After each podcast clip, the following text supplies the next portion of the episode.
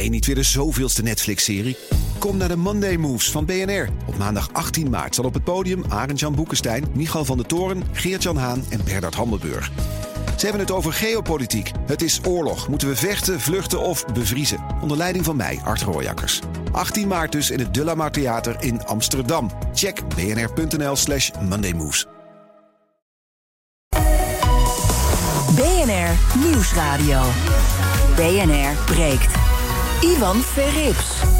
Goedemorgen, welkom bij BNR de perfecte onderbreking van je werkdag. Vanaf half twaalf praat ik over het nieuws van de dag. Over eh, hackers van eh, de Russische Buitenlandse Veiligheidsdienst... die gezellig meelazen met de onderzoekers naar het, eh, de MH17-crash.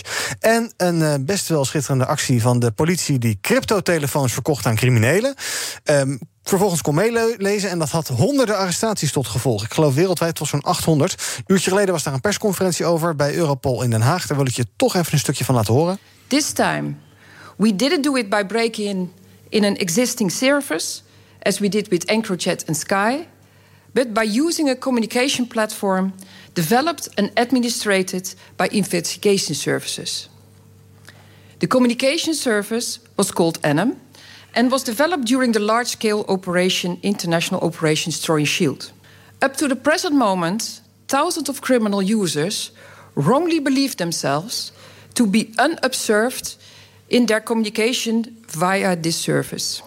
Eventually, hundreds of criminal organizations were using this platform. Het was eh, Janine van den Berg, politiechef. Honderden arrestaties wereldwijd. Dus vanaf half twaalf meer daarover in BNR Breekt. We beginnen uh, met het breekijzer. En daartoe en ook voor daarna zijn bij mij panelleden... Sander van der Kraan van Broodbuis en Pieter Lossi, adviseur van de VO-raad. Goedemorgen. Goedemorgen. Nou, zoals uh, aangekondigd, we beginnen met... BNR Breekt. Breekijzer. Ons breekijzer. En dat is vandaag Bouw de weilanden vol. Het uh, Economisch Instituut voor de Bouw vindt dat woningen in het groen uit de taboesfeer moeten. Er wordt voor zo'n uh, 300 tot misschien wel 500.000 woningen gezocht naar een locatie. En dat zou wellicht in het groen moeten. Dus dan moet je denken aan weilanden, landbouw en andere groene gebieden. Nou, met ons breekijzer proberen we even een knuppel in het hoenderhok te gooien. Dat is dus, is dus vandaag Bouw de weilanden vol. Wat vind jij? Vind je ja, prima. Goh, uh, het groene hart is ook al steeds minder groen. Een paar weilanden meer of minder. Het maakt niet uit. Er ontstaat vast ergens anders wel een groen hart, zoals de Veluwe of zoiets. Of denk je, nee, mensen, dat moeten we niet willen. Moeten ook blijven ademen. Straks is de hele Randstad volgebouwd. En dan leven ze daar, of we daar, in een verstikkend klimaat. Je kan meepraten door te bellen naar 020 468 4 keer 0 020 468 4 keer 0 Ik zie Wim, Gerard en Anna al hangen. En uh, Manuel hangt ook. En de telefoon gaat weer. Nou, het uh, staat allemaal rood gloeiend bij ons. Bouw de weilanden vol 020 468 4 keer 0 uh, Zometeen de reactie van uh, mijn panel. Maar eerst die van Taco van Hoek, directeur van dat Economisch Instituut voor de Bouw. Zij hebben dat rapport gemaakt. Goedemorgen, Taco. Goedemorgen. Nou, ik zei het al, we zetten natuurlijk lekker dik aan. Uh, bouw de weilanden vol. Wat is jouw reactie op ons breekijzer? Uh, ja, dat is precies niet wat we voorstellen. Oh. Dat is eigenlijk uh, wat ik moet zeggen. Uh, waar wij aandacht voor vragen is kleinschalig bouwen in groene ruimtes. ik denk dat de belangrijkste stelling eigenlijk is dat wonen en groen geen vijanden van elkaar zijn. Zoals het vaak wordt neergezet. als je mooi in kleinschalige verbanden bouwt... en daar zijn ook wel een paar voorbeelden van. Helaas niet zoveel, omdat het vaak niet mag... Maar dan zie je bijvoorbeeld, ik was in Weesp, waar ze een project doen. Daar worden drie wijken ontwikkeld op landbouwgrond. Eh, waarbij je ziet dat er met veel groen, veel water... er worden twee parken bij aangelegd. Dus het levert ook nog eens extra recreatiemogelijkheden op. Uh, en dat is eigenlijk de crux. Ja. Op het moment dat je het blijft voorstellen van bouw de weilanden vol... en we verdichten Nederland helemaal op deze manier... ja, dan zal niemand ervoor zijn bijna, denk ik. Mhm. Uh, de werkelijkheid is ook, als je kijkt naar die aantallen woningen... Daar hebben we anderhalf procent van de weilanden voor nodig. Ja. He, daar heb je het over dus 98,5 procent van de weilanden, die is niet nodig. En natuurgebieden, bos- en duingebieden, daar hebben we het al helemaal niet over. Want daar hebben we überhaupt niet gezocht. Nee, wonen in de duinen is wel mooi, maar dat gaan we dus niet doen. Um, uh, jij zegt uh, wonen en weilanden, dat, wonen en groen, dat zijn nu een beetje vijanden van elkaar. Waarom eigenlijk? Nou ja, dat is de beeldvorming. Hm. Je zegt, ja, dan bouwen we de hele boel vol... en dan gaan we mooie gebieden, die gaan we met beton voor, uh, volzetten. Maar je moet, en dat is wel heel belangrijk... Uh, ook bouwen wat aansluit op het weiland. Dus je moet wel zorgen dat je inderdaad in wat lage dichtheden... niet te veel woningen op zo'n gebied en afwisselend. He, je hebt weiland, je hebt stukjes wonen... je hebt af en toe uh, kun je ook in, in een stuk natuurontwikkeling aanleggen... En ons belangrijkste pleidooi is: ga daar nou gewoon eens open naar kijken. En wij hebben geïllustreerd, en dat hebben we met deze studie proberen te doen. ja, waar heb je het dan over? En kun je, als je het kleinschalig doet, dan wel genoeg woningen vinden? En het antwoord is ja. En het antwoord is ook dat dat heel verantwoord zou moeten kunnen. het is natuurlijk wel zo dat de overheid uh, vanuit de ruimtelijke ordening wel eisen moet stellen. Het is niet zo dat ontwikkelaars maar moeten bepalen hoe ze de hele boel daar uh, gaan aanpakken. Het moet echt op een mooie en, en, verantwoorde manier. Maar dan kan het wel, en daar ligt ook echt wel de sleutel om de woningnood op te lossen. Want alleen binnenstedelijk gaan we er niet komen. Oké, we duiken zo meteen even in de, in de details in de mits en maren. Uh, Want jullie hebben ook een paar gebieden benoemd waar dat dan wellicht zou kunnen. Dat gaan we het zo meteen wel even doen. Eerst even een rondje in de studio hier bij mijn panel en dan een paar luisteraars aan het woord laten. Sander, bouw de weilanden maar vol. Weg met het groen. Nou ja, weg met het groen. Ik denk dat we ten eerste af moeten van de illusie dat uh, weilanden uh, en landbouwgrond groen zijn. Ja, want het gaat natuurlijk voornamelijk om monocultuur. Um, uh, en het is daarbij, hebben we in Nederland, is volgens mij 66% van het landoppervlakte gaat al naar landbouw. wat ook nog eens een van de ons meest vervuilende industrie is. ook iets van 65% van alle stikstof komt van landbouw. Um, en het is een, gaat om industrieën die veelal, ja, de, de broek daarvan wordt veelal opge, opgehouden door de overheid. Dus de, subsidies. Ja, precies. En ik denk dat je dat, nou ja, als je kijkt naar hoe wij nu ons, ons land hebben ingericht, ik denk dat we dat inderdaad veel beter, uh, zeker als je kijkt naar de woningcrisis, kunnen we die stukken veel beter gebruiken om woningen op te bouwen. Ja, en daar verliezen we ook niet echt per se wat mee. Zeker niet als we dan ook nog stukken weiland gaan gebruiken om nou, wel echte natuur zeg maar, ja, aan te leggen. Ja. Pieter, uh, bouw de weilanden vol. Ja, volgens mij uh, een verstandig uh, pleidooi als je het natuurlijk niet volledig volbouwt, nu de formatie langzaam opstart. Kijk, het, ding is dat we in Nederland nou, de, de meest veedichte land uh, ter wereld zijn. En tegelijkertijd dat we ook behoorlijk mensdicht zijn. En, een kind van drie uh, kan je vertellen dat die twee uiteindelijk gaan botsen. Dat dat niet samengaat. Dus zul je als, als, als overheid en als samenleving een keer een keuze moeten maken uh, over waar je in je toekomst gaat, gaat investeren. Is dat inderdaad vee mm -hmm. en, en grotendeels ook export naar het buitenland? of is dat bepaalde mensenrechten, zoals het recht op op, huisvesting. En op het moment dat je inderdaad in, in weilanden gaat bouwen... en een deel ook van die weilanden juist ook uh, weer um, ja, transformeert naar nieuwe echte natuur... dan denk ik dat dat uh, op heel veel vlakken een win-win situatie oplevert. We gaan eens een uh, rondje bellers doen. Anna, goedemorgen. Hey, goedemorgen met Anna Ambrosius. Zeg het maar. Ja, ik uh, sluit me eigenlijk helemaal uh, aan op de rest. Uh, ja, zo'n kaal gras, grasveld, grasland waar ik dagelijks doorheen loop. Daar hoor je echt niet de vogels die jullie net in het spotje lieten horen. Het is daar erg stil. En een, hogere, een hoger variërend landschap. Ehm, door middel van nou ja, groene wijken zou de biodiversiteit goed doen, denk ik. Dus jij zegt ook een beetje weilanden opofferen... en daar dan mag je daar best wel wonen... als het maar ook op een groene manier gebeurt. Als ja, zeker. Duidelijk, dankjewel. Met meerdere biotopen. Ja, dankjewel. um, Gerard, goedemorgen. Goedemorgen. Zeg het maar. Ja, ik, uh, ik vind het, uh, maar dat hebben de anderen eigenlijk ook al gezegd. Het is, het is een soort schijntegenstelling. Ja. Als je ziet hoe weinig bebouwde grond we in Nederland hebben, zou het helemaal niet erg zijn als er 3 à 3,5 procent van de landbouwgrond en de veelteeltgrond afgaat. En op een goede manier in goede ruimtelijke ordeningsprocedures om worden gezet in, uh, in huisvesting. Dus zo'n rekening vind ik het belangrijker dat mensen goed gehuisvest zijn in plaats van het, de, de, koeien en schapen een overtollige ruimte hebben. Dus dat uh, lijkt me heel verstandig om dat gewoon te doen. Dus naar mijn mening is het dus een schijntegenstelling. En, uh, moeten we onmiddellijk beginnen met op een goede manier uh, zorgen dat er uh, gebouwd wordt. Dankjewel. Wim van Althuizen, goedemorgen. Ja, goeiedag. Uh, met Wim van Oudheusden. Ja, hallo, goedemorgen. Nou, ik, ik, zit al 50 jaar in het vak bouwen en wonen. Ja. Ik ben als het ware een soort laag leraar bouwen, wonen, infra en alles wat erbij hoort. Mm en ja, ik heb zelf nog een eh, bijeenkomst met Jan Schever uh, bijgewoond. En ja, die had uitspraak in gelul kan je niet wonen. Ja. En nee, ja, en gelul zijn prachtige programmavullers. Ja. Dus mijn voorstel, die komt, nou ieder jaar kan ik bijna dezelfde riedels horen van 20, 30 jaar terug. Uh -huh. En alles is bouwgericht. En dat wil zeggen, eh, bouwers en alles wat daarmee samenhangt, hebben baat bij schaarste aan woningen. Dus je creëert de schaarste en dan heb je de markt. Ja. Dus het gaat nooit, het gaat nooit gebeuren, denkt u? Ik voor volkshuisvesting afschaffen, want dan heb je geen controle meer. Ja. Nou, hetzelfde als met die bedden in de IC's. eh beperk ze, je hebt schaarste en je hebt weer een miljardenindustrie voor medicijngebruikers. Ja, dus u denkt dat het nooit gaat gebeuren, die woningen bouwen? Dat we dat ja, we- nee, maar mijn voorstel is Ja? gewoon het wonen. Je moet het vanuit het wonen bekijken en niet vanuit het bouwen. Het wonen, we wonen te veel alleen. En veel AOW'ers zijn hartstikke eenzaam. En dan laten ze zelf programma's oplossen. Wel is subsidieer het samenwonen van alleenwonende AOW'ers... door een in-huis en een verhuis subsidie te geven... ter compensatie van het inleveren van elk 350 euro AOW per maand. Dat heeft niet zoveel met die weilanden te maken, tenzij je dan naar een weiland moet verhuizen. Maar dank voor het bellen. Ik heb nog wat bellers hangen. Ehm, even kijken. Joska, goedemorgen. Goedemorgen, hallo. Hallo, zeg het maar. Ja, ik ben voorstander van het volbouwen. Eh, of het alleen wel in harmonie met de natuur. En ik geloof dat dat ook heel goed kan. Dat je het groene in ere kan houden.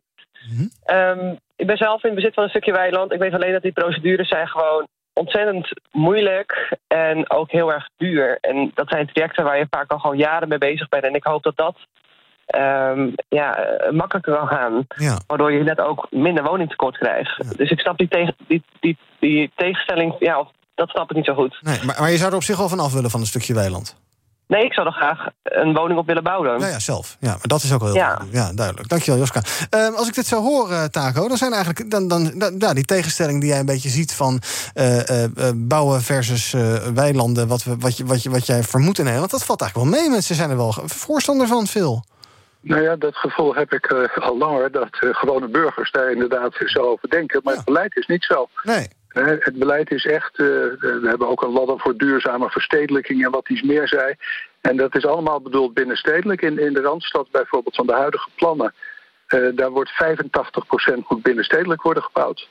Eh, dus eh, in het beleid is het in ieder geval nog niet geland, dit, dit beeld. En we hopen natuurlijk ook met die studie en toch ook echt op een beetje positieve manier eh, dat er naar die groene ruimtes wordt gekeken in aanvulling op het binnenstedelijke. Hè? Want eh, het is en-en hoor. Het is niet zo dat alles in de groene ruimtes moet worden gebouwd. Maar op dit moment is bijna alle planning gericht op eh, binnenstedelijk. En als je dat zou aanvullen met wat groene woonlocaties, krijg je een robuuster geheel. Het is efficiënter, het is goedkoper, het is sneller. Eh, eh, en het gaat uiteindelijk om een goede balans daartussen te vinden. En ik vond ook inderdaad de oproepen om te zeggen... nou probeer het ook met recreatie of een stuk natuurontwikkeling te combineren. En nogmaals, eh, wat we voor de woningbouw nodig hebben... is anderhalf procent van het weiland. En eh, meer is niet. Ja, ik denk dat we bij, bij de luisteraars dan handen wel voor op elkaar gaan. Even in de studio hier. Ik geloof, Taco, jij eh, ziet dat er locaties mogelijk zijn in het groen rond eh, Rotterdam-Zuid, eh, Arnhem-Zuid, eh, steden als Eindhoven, Breda, Zwolle.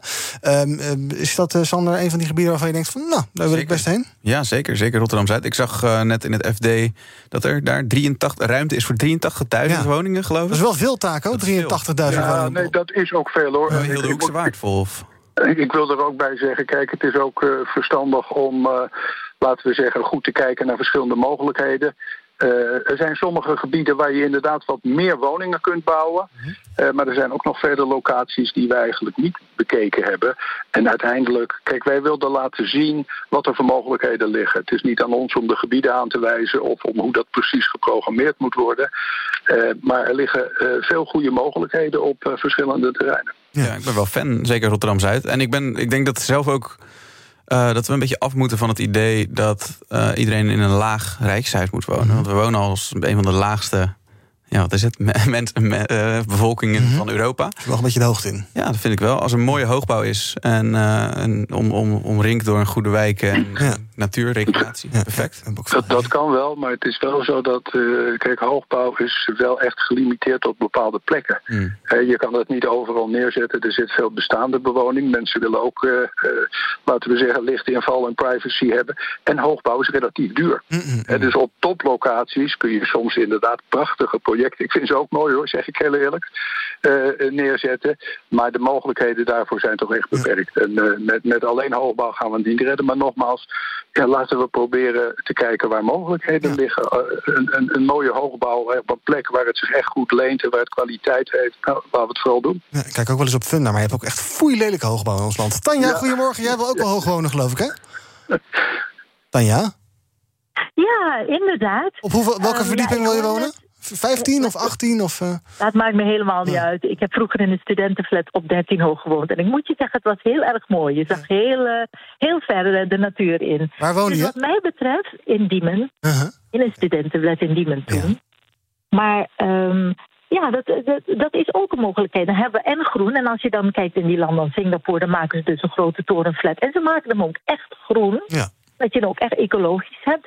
Nou, dan, en je zet het op een locatie neer waar, waar het wel kan. Dus waar niet laagbouw in de buurt is. Mhm. En dat je uiteindelijk dat gewoon naar boven trekt. Dan kunnen we dat een stukje groen houden. We hebben het ecologisch. En als we de kennis daarvoor niet in huis hebben, dan halen we dat gewoon in huis van de andere landen. Wij zijn niet het enige land met dit probleem. Er zijn meer landen met het probleem. Misschien moeten we even om ons heen kijken. Ja, op een mooie manier de hoogte in, zeg je dus. Oké. Okay. Pieter, um, uh, ik denk al, als ik me een beetje probeer te verplaatsen in een boer, dat zijn natuurlijk vaak generatie, uh, generatie op generatie staat voorgegaan. Dat zijn mensen die zijn trots op hun land. Ik denk dat die nu allemaal vloekend bij de radio zitten. Van, oh, gaan, ze, gaan ze op mijn land proberen op te offeren voor die huizen? Ja, niet als je dit, uh, laten we zeggen, invoert samen met een plan ook voor de veehouderij Mhm. mm -hmm. en voor de agrosector om daadwerkelijk toekomstbestendig te worden. Wat je ziet daar juist in die sector is dat natuurlijk die ontzettende schaalvergroting juist ervoor zorgt dat heel veel kleine familie, generatieboeren uh, al veel eerder het werk hebben moeten, moeten neerleggen. Dus ik denk dat daar ook die tegenstelling niet bestaat.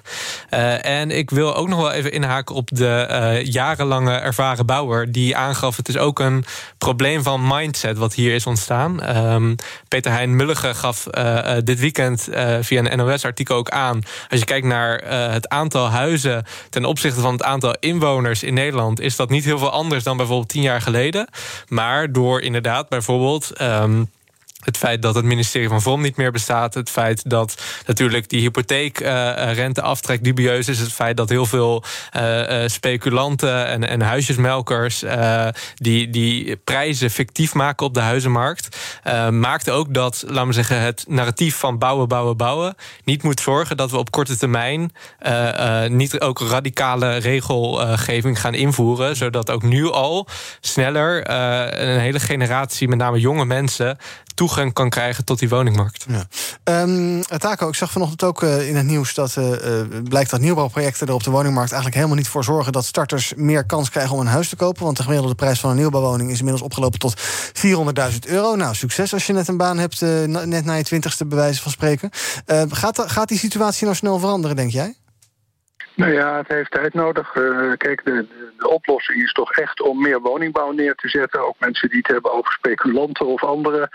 Hoe ruimer de verhoudingen zijn, hoe meer wij uh, zelf keuzemogelijkheden hebben... en met de voeten kunnen stemmen als burgers, hoe, hoe beter het is. Uh, dus daar zal het van moeten komen... Uh, het is overigens zo dat starters in de regel niet in de nieuwbouw starten, maar in de bestaande voorraad. Ja. Natuurlijk uh, gelet op anderen. Maar wat ook wel belangrijk is, kijk, ook als wij bijvoorbeeld woningen bouwen voor groepen die een wat uh, grotere beurs hebben, dat zijn mensen die in de regel een woning hebben. Dus ja. die schuiven door. Je moet je bedenken, de woningmarkt is een voorraadmarkt. Dus als er mensen zijn die nu in de binnenstad wonen, maar die toch liever bijvoorbeeld vanwege gezinsuitbreiding in groene omgevingen rondom de steden willen zitten, dan komen er ook weer woningen vrij in de steden, weer voor andere mensen. Ja. En dat punt moeten we ook niet over het hoofd zien. Adrie, goedemorgen. Goedemorgen, Adi Kokkers, hallo. Hallo, zeg het maar. Um, er wordt heel mooi gezegd van het groen volbouwen. Aan de andere kant wordt er ook geroepen, in de steden moeten we meer groen hebben. Mm -hmm. Dus dat gaat al een heel stuk tegen elkaar in. Mm -hmm. Dan zeg ik van, ik kom zelf uit het Groene Oosten. Ja. Uh, wij wonen hier allemaal nog heel goed vrij. Nu zie je wel mensen in de coronacrisis die vanuit West-Nederland naar het oosten toe komen. De meeste mensen die willen echt graag in de Randstad blijven zitten. Dus het, groene oosten, dat zal grotendeels blijven bestaan. Aan de andere kant denk ik met heel veel mensen eerst, er is woningnood, dus daar zul je iets mee moeten. Dan heb je de optie om hoogbouw te gaan doen en dat het wat meer kost. Ja, dat is dan zo. Maar daar zul je niet onderuit komen. Want niet, niet iedereen wil verspreid over het land wonen of kan dat. Nee. Dus waar je een beetje voor pleit is dat uh, de, bij wijze van spreken de Randstad moeten we wat groener maken... en in het oosten mogen er wel wat huizen bij. Nou, in het oosten komen er sowieso huizen bij. Als ik alleen al kijk naar mijn eigen gemeente Hardenberg... worden volgend jaar 400 woningen gebouwd. Uh, die zijn ook grotendeels allemaal al verkocht. Ja. Maar wat je ook uh, moet doen, is kijken naar slimmere oplossingen. Winkelpanden die leeg staan, uh, die omturnen naar appartementen, bedrijfsgebouwen. En er wordt wel gezegd, beleggers die de woningmarkt torpederen. Aan de andere kant, beleggers die dan in de grote steden... de eensgezinshuizen omtonen omtoveren tot appartementengebouwen met vier woningen, waardoor je meer woonvoorraad creëert. Dat wordt door de overheid weer tegengegaan. Ja, oké, dankjewel. Adrie, meneer Van der Kraat, goedemorgen. Ja, uh, goedemorgen met uh, Jan van der Kraat. Hallo Jan. Zeg, mijn idee is dit. Uh, zoveel mogelijk natuur ophouden. Want de mens moet tot de rust komen. -hmm. Maar ik, mijn idee is de mensen die gescheiden zijn en die weer goed met elkaar omgaan en twee huizen hebben, ja. geef die mensen subsidie zodat ze weer naar elkaar toe gaan en je hebt een huis vrij. geef, ze, geef ze subsidie ja. en uh, de, uh, de kinderen zullen heel blij zijn als ze weer naar elkaar toe gaan en wonen. Als de, dus de mensen die gescheiden zijn en uh, weer goed met elkaar omgaan... Wat mooi. Geeft die uh, echt subsidie. Uh -huh, ja, dat zegt u nu voor de derde keer, ja. ja? Om bij elkaar terug te komen, ja. En, uh, breng ze weer bij elkaar. Ja. En je houdt op die manier du duizenden huizen ja. kunnen dan vrijkomen. Maar maak daar ook reclame voor. Ja. Want uh, ik heb, ben 50 jaar getrouwd geweest met een lieve vrouw die overleden is. Maar och, uh, wij hadden ook wel eens armoede, maar we hebben altijd trouw bij elkaar. Je moet, elke, je moet geven en nemen en niet van, oh, ik ben het zat, ik ga naar een ander. Nee, we geven elkaar, begin opnieuw en geef, en geef deze mensen een nieuwe kans. En je houdt duizenden huizen over. Ja. Hallo? Meneer Van der Kraat, het is een mooi, mooi advies. En ik doe ermee wat u wil. Tot slot van het half uurtje nog even Gregory. Of Gregory, goedemorgen. Goedemorgen. Zeg het maar. Ik ben aan de laatste kant, maar ik voeg even dezelfde idee erbij. Ja. Als wij net zo doen als in Zuid-Europa, gewoon fiscaal aantrekkelijk maken voor, voor generaties bij elkaar te blijven. Mm -hmm. Hè, dat opa in huis is met dezelfde familie, met kinderen, dat lost niet alleen maar het huis het probleem op. Ja. Het lost heel veel op eenzaamheid. En de moeders kunnen fulltime werken. Er komen heel veel huizen vrij als wij dat maar gaan stimuleren. Maar wat hebben wij in Nederland gedaan? Als dat twee opa's bij elkaar komen, wat krijgen ze? Dan krijgen ze juist straf van de overheid door korting op hun AOW. Ja. En dat is niet een manier om dat te stimuleren. Dat kan ook wel helpen. Dankjewel voor het bellen.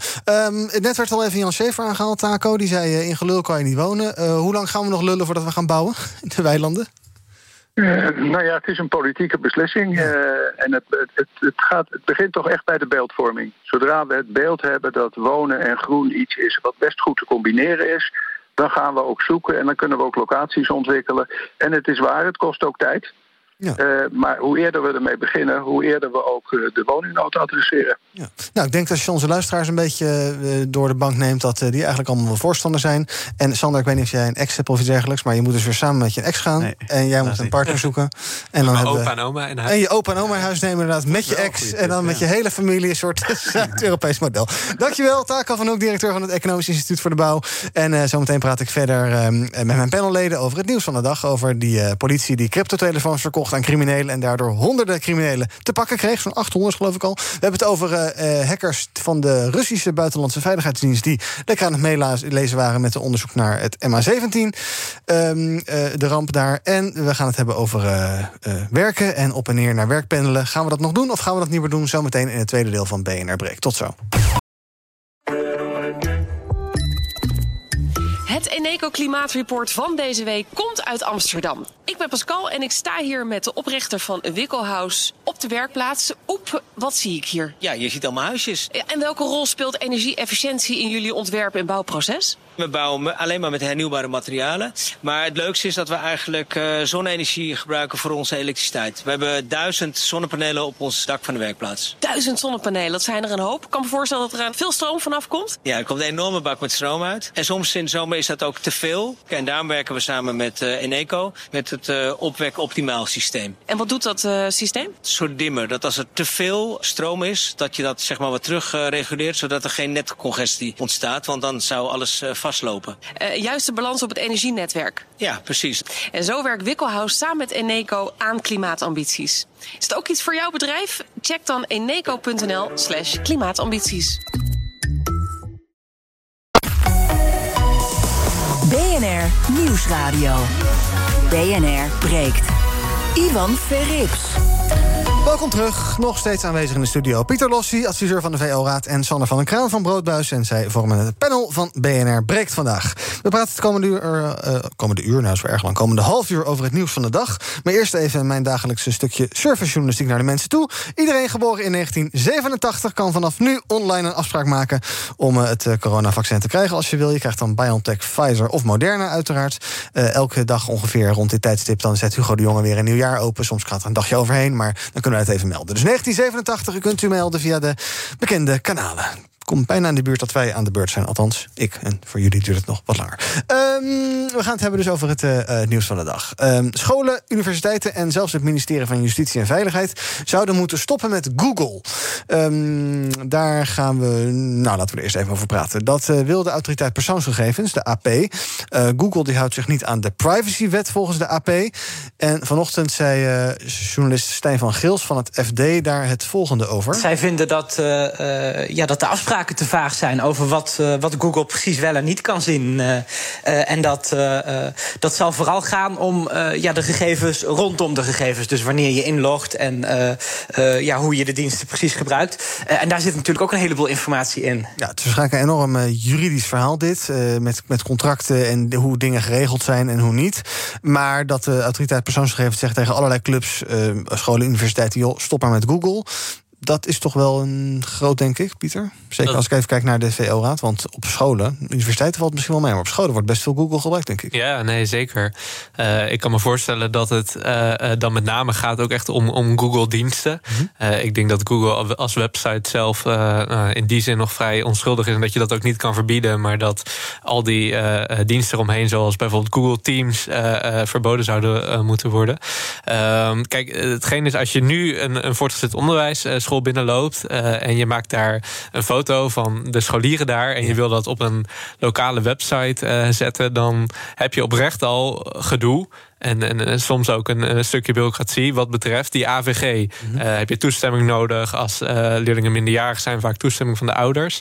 Het kan niet zo zijn dat we van individuele burgers verwachten dat dat onderwijs, die onderwijsplek, dat dat een, een veilige haven moet zijn. Privacy technisch ook, wat volgens mij niet meer dan terecht is.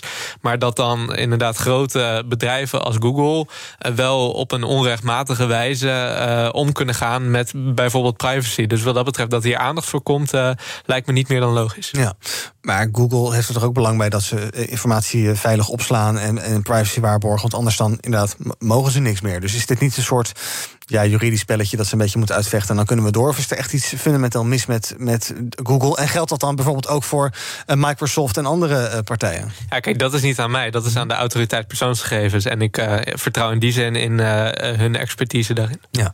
Sander, probeer een beetje te ontgooglen, zodat Google niet alles van jou weet bij Gmail en Ja. Google Maps en Google Foto's. En eh, nou, hoe lang kunnen we nog doorgaan met allerlei Google-diensten? Eh heel tijdje, denk ik. Ja, ik gebruik, ik gebruik zelf het liefst Apple-diensten. Maar ik, ik denk dat het ook een beetje een illusie is dat dat dan veel en veel veiliger is. Ehm, En uh, ja, het, ik, het is in ieder geval wel bizar als je nu inderdaad op, ook op een hogeschool binnenloopt. Toen ik op de Hogeschool Rotterdam kwam, um, dat daar ook bijvoorbeeld Facebookgroepen worden aangemaakt. En daar moet je dan lid van zijn om op de hoogte van te blijven. WhatsApp-groepen. WhatsApp-groepen.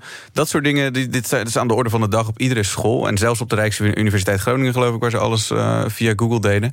En wat ik nog het meest absurde vind, is dat, er dus, dat het op zo'n grote schaal gedaan wordt. En dat daar dus geen afspraken over zijn. Terwijl dat dus wel op die enorme schaal gebruikt wordt. Ook dus door overheidsinstellingen. En uh, waar geen afspraken en geen toezicht is. En waar een bedrijf dat ook bewust obscuur houdt.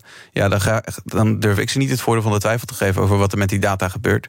En zeker nu is dat, ja, moet daar gewoon op geacteerd worden, denk ik. Ja, ja dus uh, ik geloof dat dit uh, rapport nog naar de Tweede Kamer moet gaan. Maar als dat gebeurt en dit blijkt om te kloppen wat FD schrijft... dan zouden jullie inderdaad zeggen, joh, afscheid nemen van Google... tot ze hun zaak op orde hebben. Ja, wat wel zonde is, want het is heel erg makkelijk in gebruik. Zeker ja. Google Docs en dergelijke. Ja, is echt, echt ja. heel fijn. Ja. ja, want ontkom je er überhaupt aan? Want bijvoorbeeld, ik zal maar even een ontboezeming over hier op werk doen. Wij gebruiken dan Office 365. Nou ja, iedereen werkt ook gewoon in Google Docs natuurlijk. Ja, ja.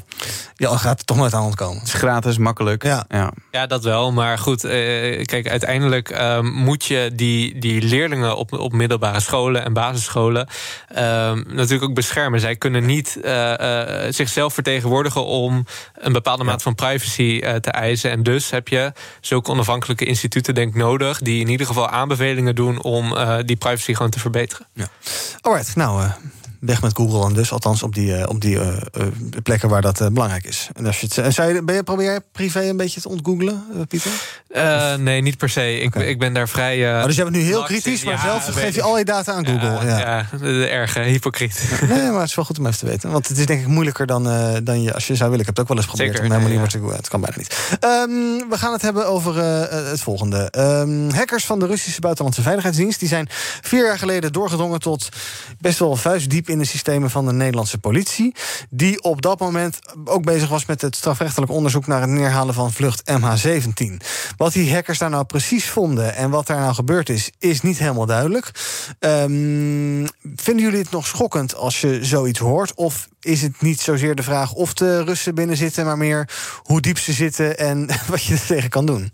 Ja, ik denk dat dat wel een beetje aan de orde is, inderdaad. Want dus in de afgelopen jaren zijn er meerdere keren van dat soort uh, breaks geweest. Mhm. Waarop dan opeens een auto op een parkeerplaats stond met allemaal apparatuur erin. Ja. OCP, OCW, OC, ja. OC, de OCM, OC, de OCD. De, het alfabet? Of? Nee, de Organisatie voor Chemische Wapensbestrijding. Ja, OC, OC, ik ga even zoeken. Ja, praat wel. um, en als je, als je dat al meerdere keren, uh, nou, of één keer, of meerdere keren in een, in een tijdspanne van een aantal jaar uh, in het nieuws komt, dan kun je er natuurlijk van uitgaan dat er onder de radar ja. nog veel en veel meer speelt. En dat is wel een angstaanjagende gedachte, vind ik zelf. Ja. ja. OPCW.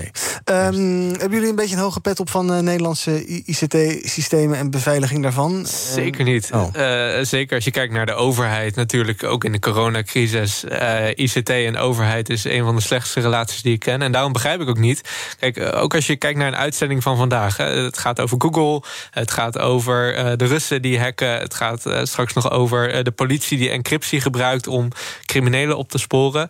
Ik bedoel, de digitale wereld gaat het nieuws maken van, van de toekomst. En dan snap ik eigenlijk ook niet dat er niet in Nederland bijvoorbeeld opleidingsinstituten zijn die gewoon uh, uh, jonge, potentiële, talentvolle ethische hackers mm -hmm. uh, opleiden om later uh, voor de goede zaak, uh, voor de overheid, echt ervoor te kunnen zorgen dat digitale systemen veilig, veilig zijn. En ook het feit dat bijvoorbeeld elke week bijna weer in het nieuws komt dat er een bedrijf is geweest dat een lek had in de persoonsgegevens, waardoor persoonlijke informatie tot aan bankgegevens toe van Nederlanders op, op straat zijn gekomen. Ja, dat maakt gewoon dat er echt wel actieplannen nodig zijn om, om die situatie qua ICT en, en overheid en samenleving te verbeteren. Zeker die bij de GGD toen. Dat was echt een ja. mega lek. En daar hoor je nu eigenlijk ook niks meer over. Dat is, dat is wat mij betreft wel parlementaire enquêtemateriaal. Als het gaat om zo'n enorme lek van zoveel Nederlanders. Ja. ja. op een gegeven moment heb je geen beveiliging meer nodig, want dan liggen alle gegevens zo en zijn al bekend. Ja. ja. Ondertussen, uh, de gevoeligheid heeft natuurlijk ook te maken met MH17. Dat, de, ja, daar, dat is onderzoek naar uh, drie Russen en een Oekraïner. we weten dat de Russen zich al vaker hebben bemoeid met het onderzoek. Dat ze dat dat heel erg interessant vinden. We zijn inmiddels een jaar of zeven na dat daadwerkelijk neerhalen van het toestel. Ehm, die, die, dat, dat traineren van dat proces door die Russen, heeft dat nou, denken jullie, nog invloed op, op dat hele proces? Wordt het daardoor langer, stroperiger, lastiger om die daders te vinden, althans ze voor de rechter te krijgen en te bestraffen? Ik mag hopen van niet. En uh, nou, elke keer dat, dat ik weer uh, uh, MH17 hoor, merk ik dat ik daar zelf ook nog gewoon emotionele sentimenten bij heb. Ik hoop echt ontzettend, ook voor, voor alle nabestaanden, dat, um, ja, dat de daders hier gewoon worden aangeklaagd. En dat ondanks het grote onrecht dat is aangedaan, er toch nog iets van recht gesproken kan worden in dit totale proces. Ja, maar hoe langer dat duurt, hoe ja. ja, hoe kleiner de kans. Misschien wel. Ik weet niet of het echt invloed heeft op uiteindelijk de, de strafzaak. Alleen wat, waar het voornamelijk om gaat, en ook voor de Russen, denk ik, is de, de publieke opinie, denk ik. Ja. Dat dat heel erg de mediaoorlog is die nu gevoerd wordt. En daarvoor gebruiken ze dit soort tactieken. Ja. Bijna de helft van de Nederlandse werknemers verwacht dat vijf dagen op kantoor werken voorgoed voorbij is na corona. Blijkt uit onderzoek. En er zijn de afgelopen maanden natuurlijk honderden onderzoeken verschenen over thuiswerken en op kantoor werken. Um, ik ben eigenlijk wel benieuwd, uh, hoe zien jullie werken in de toekomst? Want aan de ene kant, we hoorden mensen zeggen, ja, we krijgen een soort van het nieuwe normaal en dan gaan we allemaal minder thuiswerken. Aan de andere kant, als je nu op de weg kijkt, het is weer stervensdruk. Um, is het nieuwe normaal misschien gewoon het oude normaal en gaan we uiteindelijk toch wel weer heel graag naar kantoor of toch niet, Pieter? In principe is het advies nog steeds uh, dat je. Ja, werk zoveel mogelijk uh, thuis. zoveel mogelijk thuis moet werken, inderdaad. Uh, ik merk dat bij mijn eigen werkgever en ook wel bij werkgevers om me heen. Maar ja, blijkbaar gebeurt dat in bepaalde mate nog niet voldoende. Ik denk eigenlijk hetzelfde geldt voor het onderwijs. dat we in de toekomst toegaan naar een soort hybride vorm. Waarin je hopelijk het, het beste van het online aspect bewaart. Maar tegelijkertijd het sociale en de persoonlijke interactie en de en de ontwikkeling, wat volgens mij ook gewoon onderdeel uit zou moeten uh, maken van werk en arbeid, uh, dat dat op een fysieke manier weer in de toekomst kan plaatsvinden. Ja. Onderdeel van het onderzoek was ook eh, dat bleek dat vele jongeren zich zorgen maken over hun carrièrekansen. Want ja, als je thuis begint met werken, hè, je, moet, je moet veel thuiswerken, ja, dan mis je misschien allerlei kansen om jezelf te ontwikkelen. Ook gewoon in het sociale aspect van met elkaar omgaan op werk, kansen zien. is, dat, is dat iets wat je, wat je snapt, Sander? Dat je, ja, als je van, net van een universiteit afkomt, wat je dus de laatste tijd al helemaal thuis hebt gedaan, dat je dan ook uh, nog eens thuis door moet met je werk. Ja, dat is misschien ook niet helemaal goed voor je, voor je ontwikkeling. Nee, dat denk ik ook niet. Ik denk zeker inderdaad niet qua sociale, qua, van het, wat, wat betreft het sociale aspect. En uh, ik, ja, ik, ik, ik word er zelf ook niet gelukkig van in ieder geval. Als ik thuis zit en dan vijf dagen per week thuis op mijn computer zou moeten zitten werken, dat zou ik, zou ik liever niet doen. Het liefst ben je gewoon in een omgeving van andere mensen die ook aan het werk zijn, waarmee je aan het, in een voortdurend gesprek ben. Mm -hmm. En het, is ook beter voor de bedrijfsvoering, denk ja. ik. Dus ook hybride, denk je? Dus een paar dagen kantoor, een paar dagen. Het is dus hybride, inderdaad. Ja. ja, maar het kan natuurlijk zijn dat het over een jaar weer gewoon. Dus norm Toch terug bij is. Ja, dat zou best kunnen. We gaan zie dat nog best wel gebeuren. BNR breekt. Man die nooit thuis werkt, althans niet als hij bij BNR werkt. Dus Thomas van Zel, die uh, presenteert zometeen zaken doen. Dat kan op zich in theorie wel vanuit huis. Heb je het al eens gedaan, vanuit huis presenteren? Ik heb het uh, nooit vanuit huis nee. gedaan. Uh, jullie volgens mij wel in de ochtendspits. Ja. Maar ik ontvang natuurlijk heel veel gasten. Ja. En als je thuis werkt, en dat was vooral bedoeld om besmettingen natuurlijk tegen te gaan... en je nodigt vervolgens al je gasten thuis aan de keukentafel uit... dan schiet dat misschien ook zijn doel voorbij. Ja. Dus dat is de reden dat ik hier overigens altijd uh, vol goede zin... toch maar naar de redactie ben getrokken ja, om hier de uitzending te maken. Ja, je ziet dat, uh, ja, ja, dat zeker. Pat er vanaf. Hey, uh, wie heb je zo meteen te gast in de studio, dus gewoon hier? Esther Lievers, zij is de bestuurder van de Baalderborggroep. Dat is een zorginstantie voor mensen met een verstandelijke beperking... voor kinderen met ontwikkelingsproblemen en ouderen. Heeft een roerig jaar achter de rug natuurlijk. Maakte zelf overigens pas in de coronaperiode de overstap naar deze nieuwe baan. Dus zij heeft uh, veel meegemaakt. Er is natuurlijk ook wel het een en ander bekend geworden over de decentralisatie en wat dat heeft gedaan met de jeugdzorg. Ik ben benieuwd of zij denkt dat extra geld en misschien toch ook een andere manier van organiseren echt verbeteringen op gaat leveren. Dus daar gaan wij het over hebben. Het beleggerspanel is er uh, zo meteen. Onder andere over uh, de, de, aandeelhouders van Grubhub. Dat is een prooi van Just Eat Takeaway van Jitse Groen. Zij zien een overname niet zitten, stappen naar de rechter. Dat komt ter tafel.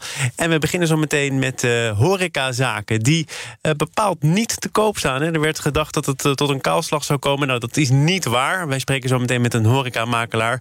die misschien toch nog mensen met een droom van een eigen café of restaurant... uit de brand kan helpen. Zometeen dus, vanaf 12 uur, dat is al over een minuutje of 13. Zaken doen, hier op BNR.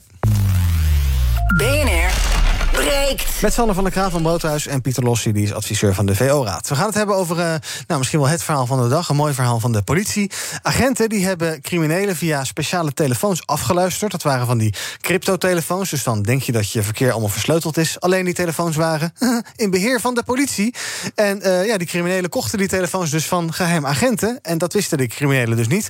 Vandaag leidde dat, uh, vandaag en gisteren leidde dat tot honderden arrestaties. Er zijn ook allerlei persconferenties over de hele wereld over. Het begon in Nieuw-Zeeland, toen in Australië.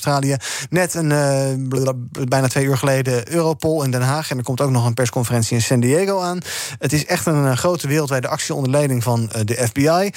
Um, Brenno de Winter, die is privacy-deskundige, die zat vanochtend hier bij BNR. En die zei daar het volgende over. Het is een kant-en-klare dienst die wordt beheerd. En daar zit meteen ook je zwakheid. Want je vertrouwt dan blind dat de partij die het beheert te vertrouwen is. Ja, dat, je operational security schiet dus gewoon eigenlijk serieus. Ja, absoluut. De risico's zijn dus enorm, want uh, ja, je gaat wel vrij lang naar Hotel de Trali. Ja, Hotel de Trali, al dus Brenno de Winter, die ken ik nog niet. Pieter, ehm, criminelen zijn gewoon superdom. Uh, blijkbaar ja. in, in sommige mate. Ik denk dat je toch wel ook een bepaalde mate van intelligentie nodig hebt om zeker bijvoorbeeld uh, digitaal uh, crimineel te zijn. Mm-hmm. Maar ik vind het echt een fantastische actie en dit laat zien hoe het ook kan. En dat je soms juist ook die multilaterale wereld nodig hebt om grensoverstijgende problematiek, zoals criminaliteit, gewoon gezamenlijk aan te pakken. En wat hier is neergezet, we hebben ook als samenleving en vaak ook terecht soms echt wel kritiek op soms de politie, soms op, op zulke instanties. Maar dit is echt puikwerk en daar verdienen ze complimenten voor. Ja, nou hebben we allerlei andere diensten al gehad waar de politie een soort van geïnfiltreerd is. Hè. Ik herinner me EncroChat en Sky en Netcom en dat soort diensten allemaal. Sander, als jij een beetje privé probeert te communiceren, hoe doe je dat dan? Gebruik je dan speciale geprepareerde telefoons ervoor of gebruik je gewoon ja, WhatsApp? Uh, tegenwoordig uh, is, is, Signal wel populair. Uh, alleen, ik, ik, ja, en Telegram dan. Maar ik vraag me dus altijd af, inderdaad, in hoeverre weet je dan? Dat, er staat dan dat het secure chat is, mm -hmm. maar dat staat bij WhatsApp ook, inderdaad. Ja. En het is dan vooral volgens mij mond-tot-mond -mond, reclame. Dus ja, ik weet het niet. Ik, ik, weet niet of dat echt beter, securder is. Het geeft in ieder geval een veilig gevoel. Ja. Maar dit is inderdaad wel heel, een, een hele goede actie geweest. Zeker ja. omdat het zo uh, ja, specifiek gericht is. Ze hebben gewoon een heel, een heel eigen uh, dienst Communicatieplatform ja. gebouwd, ja. Dat is waanzinnig. Want politie had toch altijd een beetje de, de, de naam van... ja, die holt een beetje achter de feiten aan. Ja. En, uh, dat is een allemaal sympathieke wijkagenten... maar digitaal dat speelt het al, stelt het allemaal niet zoveel voor. Maar ja, dit, dat, zij maken dus gewoon enorme ontwikkelingen door daar. En wat ook wel een verhaal is... er wordt best wel vaak gesproken over ja, het verzwakken van encryptie... bijvoorbeeld in WhatsApp. Nou, in dit geval hebben ze gewoon een hele groep... een soort verzwakte encryptie gegeven... zodat jij en ik daar geen last van hebben... maar al die mensen onderling wel. Ja, nee, veel beter inderdaad. Veel, een beetje een uh, ja, victimless. Uh, ja, uh, geen crime, maar ja. een oplossing. Ja. Ja, ja, ja, je zou kunnen zeggen dat de criminelen misschien een stukje slimmer worden in het ontwijken van de afluistertechnieken. Alhoewel, het blijft natuurlijk een kat-en-muisspel. Nou, mooie actie. work in progress dus nog. Er zijn dus al honderden mensen gearresteerd. En we gaan ook vast later verhalen horen over wat er nou allemaal voorkomen is hierdoor. En wat het allemaal opgeleverd heeft. Um, maar voor nu kijken we even naar wat de trending is. Een beetje een, uh, een, raar rijtje trending vandaag. Onder andere The Great Reset doet het al weken goed op de socials. Nu nog steeds, net als uh, Build Back Better. Beetje complotdenkers zijn dat. Hashtag formatiedebat. En het populairst was net hashtag what the fuck. Ja, het is niet echt een belangwekkend uh, nieuwsochtendje hier op de socials dus. Uh, we gaan even een rondje eigen nieuws doen. En daarna wil ik het nog eventjes hebben over de Janssen-vaccins in Nieuwegein... die gisteren in de aanbieding waren. Um, maar eerst, Sander, jij wilde het hebben over Siewert. Ja, ja, ik was gisteren uh, met het oog op morgen aan het luisteren. Ja. En dat was Rob van der Kolk van het Landelijk Consortium uh, Hulpmiddelen. Mhm. Mm -hmm. En uh, dat, hij, hij, was eigenlijk de, de projectleider van het hele team... dat dus waarvoor moest gaan zorgen dat er hulpmiddelen, coronahulpmiddelen geïmporteerd werden. En dat ging eerst een beetje moeizaam en daarna ging dat best wel goed. Hadden ze het best wel uh, goed voor elkaar. Uh, alleen op dat, in, dat, in dat kantoor, daar liep dus ook uh, Siebert van Linden rond. Ja. die ondertussen bezig was, bezig was met het hosselen voor zijn eigen ja, private onderne ja. onderneming. en de, een van de, van de voorwaarden van dus, die actie van het, van het L, LCH was dus dat het non-profit was. En daar moesten ze iets voor ondertekenen. Nou, uiteindelijk bleek dus dat Van Linden dat niet had ondertekend. Toen zijn ze uit het gebouw gezet ook. Omdat ze, ja, dat was een, een geheime locatie informatie. En uh, daar werd, werd belangrijke informatie doorgespeeld. En toen uh, bleek dus uiteindelijk dat uh, Van Linde wel de minimumprijs of de maximumprijs van wat hij kon vragen te horen had gekregen. En dat hij tegelijkertijd um, ja, weken achter de feiten aanliep van wat, wat het landelijk consortium hulpmiddelen aan het doen was. Um, en in de media een hets aan het voeren was van we lopen achter deze zorgprofessionals, onze de, de, de, de, de taskforce, ja, die loopt te klungelen. Mm En daarmee heeft hij toen uiteindelijk toch die deal rondgekregen vanuit het ministerie. Hij heeft het ministerie met zijn media uh, aandacht heeft hij onder druk gezet om die deal rond te krijgen, terwijl het niet nodig was. En dat heeft hij toen dus buiten uh, eigenlijk de taskforce gedaan. En daarmee heeft hij 9 miljoen persoonlijk verdiend. En uiteindelijk een deal dus van 100 miljoen uh, gekregen voor onbruikbare mondkapjes. Ja. Laten we heel veel luisteren naar die van der, van der Kolk. Want die zei dus inderdaad van ja, die deal was eigenlijk helemaal niet nodig. Maar dan is inderdaad de vraag, waarom is hij dan toch gesloten? Dat is een verschil van inzicht tussen het ministerie en wat wij zeiden. Ik denk dat je zit in een dilemma. Je zit in een dilemma, wil je zekerheid of wil je zekerheid plus? Wil je 98% of wil je 99%? En wij vonden als een ziekenhuis dat als je dat je op 98% een prima zekerheid had. En het ministerie, ja, wij willen 99%. Nou ja, dan... En bedoelt u dat u die deal ook moest sluiten van VWS? Um, moest sluiten? Nee, nou, ze wilden graag... Wij, zij, zij zeiden kopen, kopen, kopen. Mm Wij zeiden van, nou, het is niet nodig. En wat dan het dilemma is, dan leg je dat op tafel... en op een gegeven moment zeiden zij van...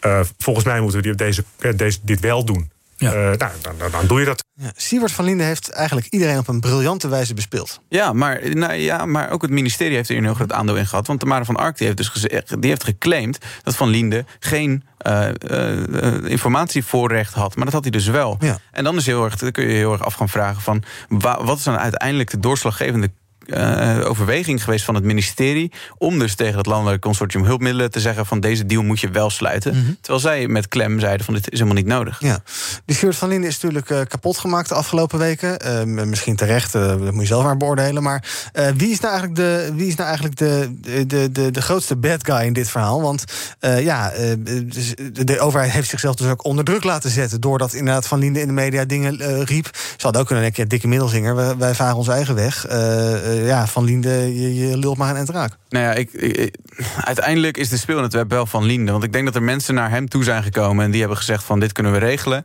En hij is uiteindelijk, heeft op volle toeren... Eh, op echt met alles wat hij kon... Uh, in de media geschreeuwd en, en dus het ministerie onder druk gezet...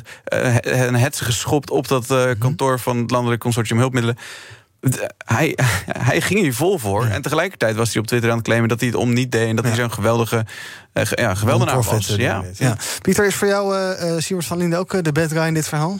met de dag twijfel ik meer over de vraag of dit een, een dubieuze eenmansactie was. Of dat dit inderdaad, zoals jij eigenlijk uh, licht stelde, een uitkomst is van een asociaal bestuurlijk systeem dat we hebben gecreëerd. En zeker wanneer er weinig geluisterd wordt naar expertise vanuit het maatschappelijk middenveld, vanuit nou, de mensen die daadwerkelijk moesten zorgen voor, voor de beschermingsmiddelen.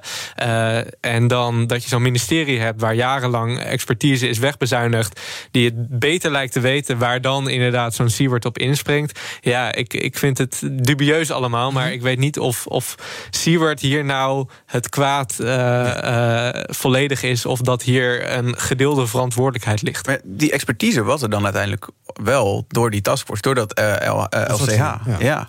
Dus dat, het is meer dat Siebert van Linden zeg maar, echt alles op alles heeft gezet om die expertise van zorgprofessionals die die claimden te gaan helpen, uh, te ondermijnen. En daarmee uiteindelijk toch zijn zin door. Ja, nee, precies. Ja. Maar dan had je een ministerie die daar ja, tegen inging. En dat, ja.